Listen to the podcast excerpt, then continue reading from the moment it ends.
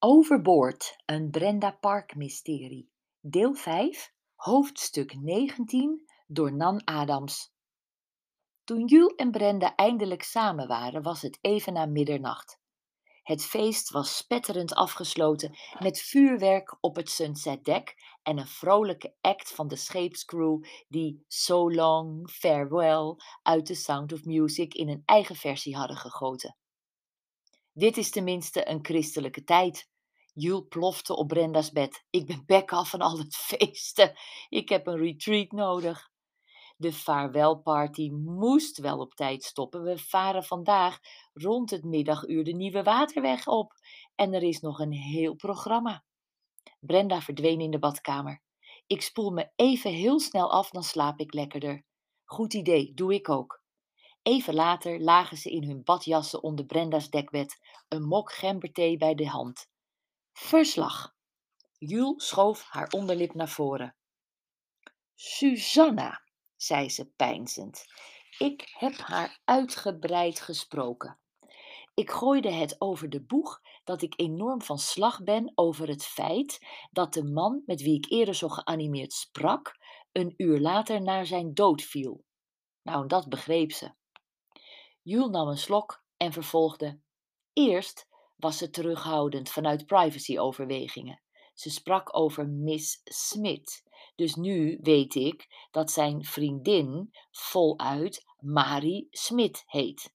Ik zei dat ik Marie ook kende en dat ik haar graag zou condoleren. Ja, en? Ze is van boord gegaan op Guernsey. Ja, dat zat er dik in. Ja, maar ik vroeg: was ze nog erg ziek? En dat bleek niet zo te zijn, dus vliegt ze zodra het lichaam is vrijgegeven met haar overleden partner naar Rotterdam. Wat afschuwelijk allemaal. Ja, een vreselijk einde van wat een romantische cruise had moeten worden. Susanna was er ook van onder de indruk. En ze vroeg of wij het voorval niet wilden rondbazuinen. Niet veel mensen aan boord blijken van het ongeluk te weten. De bemanning houdt het angstvallig stil om de sfeer niet te verpesten. Susanna heeft een liefje. Hè? Hoe weet jij dat? René, ze heeft haar zien zoenen in de dienstgang. Met wie? Dat zag René niet. Oh, jammer. Susanna heeft niets verteld. Ik denk dat Gary dan wel weet wie haar hart sneller doet kloppen. Waar hebben jullie het dan al die tijd over gehad? Nou, Susanna vroeg van alles aan mij. Ze zou ook wel in Londen willen wonen.